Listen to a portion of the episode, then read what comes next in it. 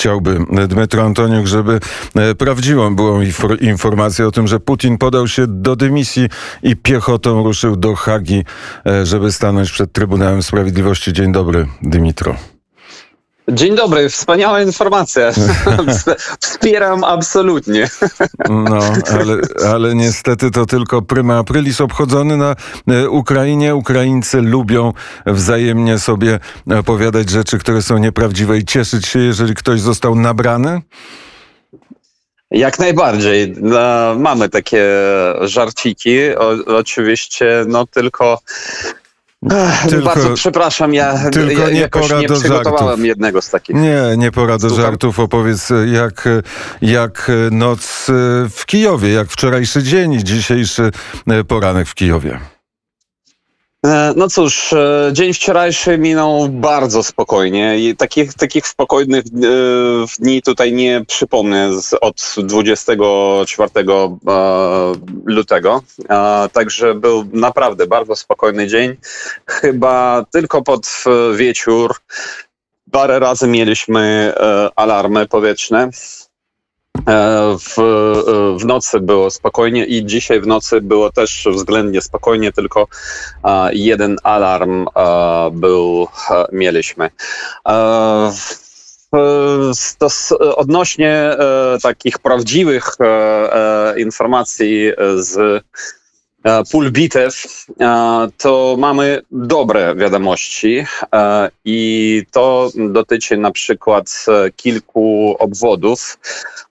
Raz, że wojsko ukraińskie wyzwoliło szereg miejscowości w obwodzie zaporowskim. E, blisko już podchodzą e, nasi żołnierze do Energodaru, gdzie e, znajduje się największa elektrownia atomowa w Europie na razie zajęta przez Moskale. Podchodzą do Energodaru od, od południa, bo od północy jest on też odcięty Dnieprem. Także to jest bardzo ważne i mo może być taka sytuacja, że możemy wziąć w otoczenie Energodar i e, wszystkich e, e, wrogów, które tam znajdują się. Druga informacja dotyczy, to jest w ogóle taka bardzo nowa informacja. Prawy sektor, czyli batalion wolontariuszy ukraińskich, zdobył zwycięstwo też w szeregu miejscowości w obwodzie czernichowskim w kierunku wschodnim. Wyzwolili e, ponad siedem miejscowości, e, było to wczoraj, i podchodzą teraz do miasta Icznia, które znajduje się niedaleko od miasta Niżyn w obwodzie czernichowskim i to już e, coraz bliżej do granic z obwodem sumskim. Także to jest bardzo fajna wiadomość i e, może tutaj e, naprawdę Moskali wycofują się, a może nie i to nas nie obchodzi. Najważniejsze jest to, że te miejscowości są znów ukraińskie. I trzeci obwód, gdzie też mamy sukcesy, to jest obwód hersoński, bardzo ważny, może, może nawet kluczowy w tej chwili. Też wyzwoliliśmy e, tam szereg miejscowości i podchodzimy do miasta Nowa Kachowka. I to jest bardzo też e, ważne i e, od Nowej Kachowki też już, już jest nie tak daleko do Hersonia, a do, od Nowej Kachow, Nowa Kachowka znajduje się na wschód od Hersonia, a powtarzam, że na północ od Hersonia znajduje się Czornobajówka, gdzie wielokrotnie zniszczyliśmy siły e, przeciwnika. I w Czornobajewce też za niektórymi e, informacjami też już jest wojsko ukraińskie, a Czornobajewka to po prostu obrzeża samego Hersonia.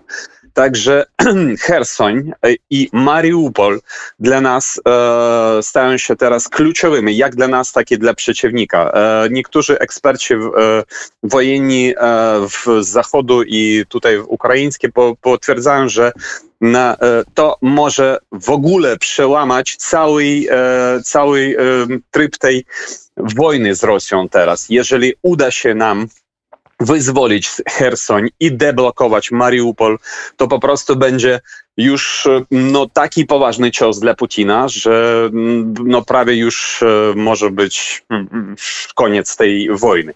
Zobaczymy. Także jestem nastawiony optymistycznie teraz i bardzo się cieszę tym nowościom, które dostałem w ciągu ostatniej doby. E, jeśli chodzi e, o e, Hersoń, to sprawa wydaje się i teraz w cudzysłowie łatwiejsza. Natomiast jeśli chodzi o Mariupol, to jest całkowicie oblężony. Tam pułk Azow dzielnie stawia opór, jedzą raz dziennie, piją wodę techniczną, tak jak inni uwięzieni w Mariupolu mieszkańcy, mieszkańcy tego miasta, którym nie udało się ewakuować i właściwie dramatyczny apel o to, żeby wojska ukraińskie przerwały tą, tę blokadę, pojawił się w internecie. Dokładnie tak. Te apeli e, w dowództwo e, pułku Azow e, no, robią codziennie. I naprawdę Mariupol jest kluczowym, jak do, dla wroga, tak i dla nas. Oni próbują za wszelką cenę teraz zająć Mariupol i przerzucają, oczywiście, przerzucają te wojska, które teraz zdejmują z kierunku kijowskiego i ewentualnie czernichowskiego tam na wschód i na południe. Um, I póki oni e, to robią, to może być e, odpowiedni moment dla wojska ukraińskiego, jeżeli oczywiście mamy wystarczająco sił dla tego, żeby deblokować teraz e, Mariupol i to byłoby może naprawdę bardzo słusznie. W Mariupolu, z Mariupola wczoraj udało się wywieźć e, kilkaset e, cywilów. To jest też bardzo ważna i fajna informacja. Wywieźć oczywiście w stronę na, na Ukrainę.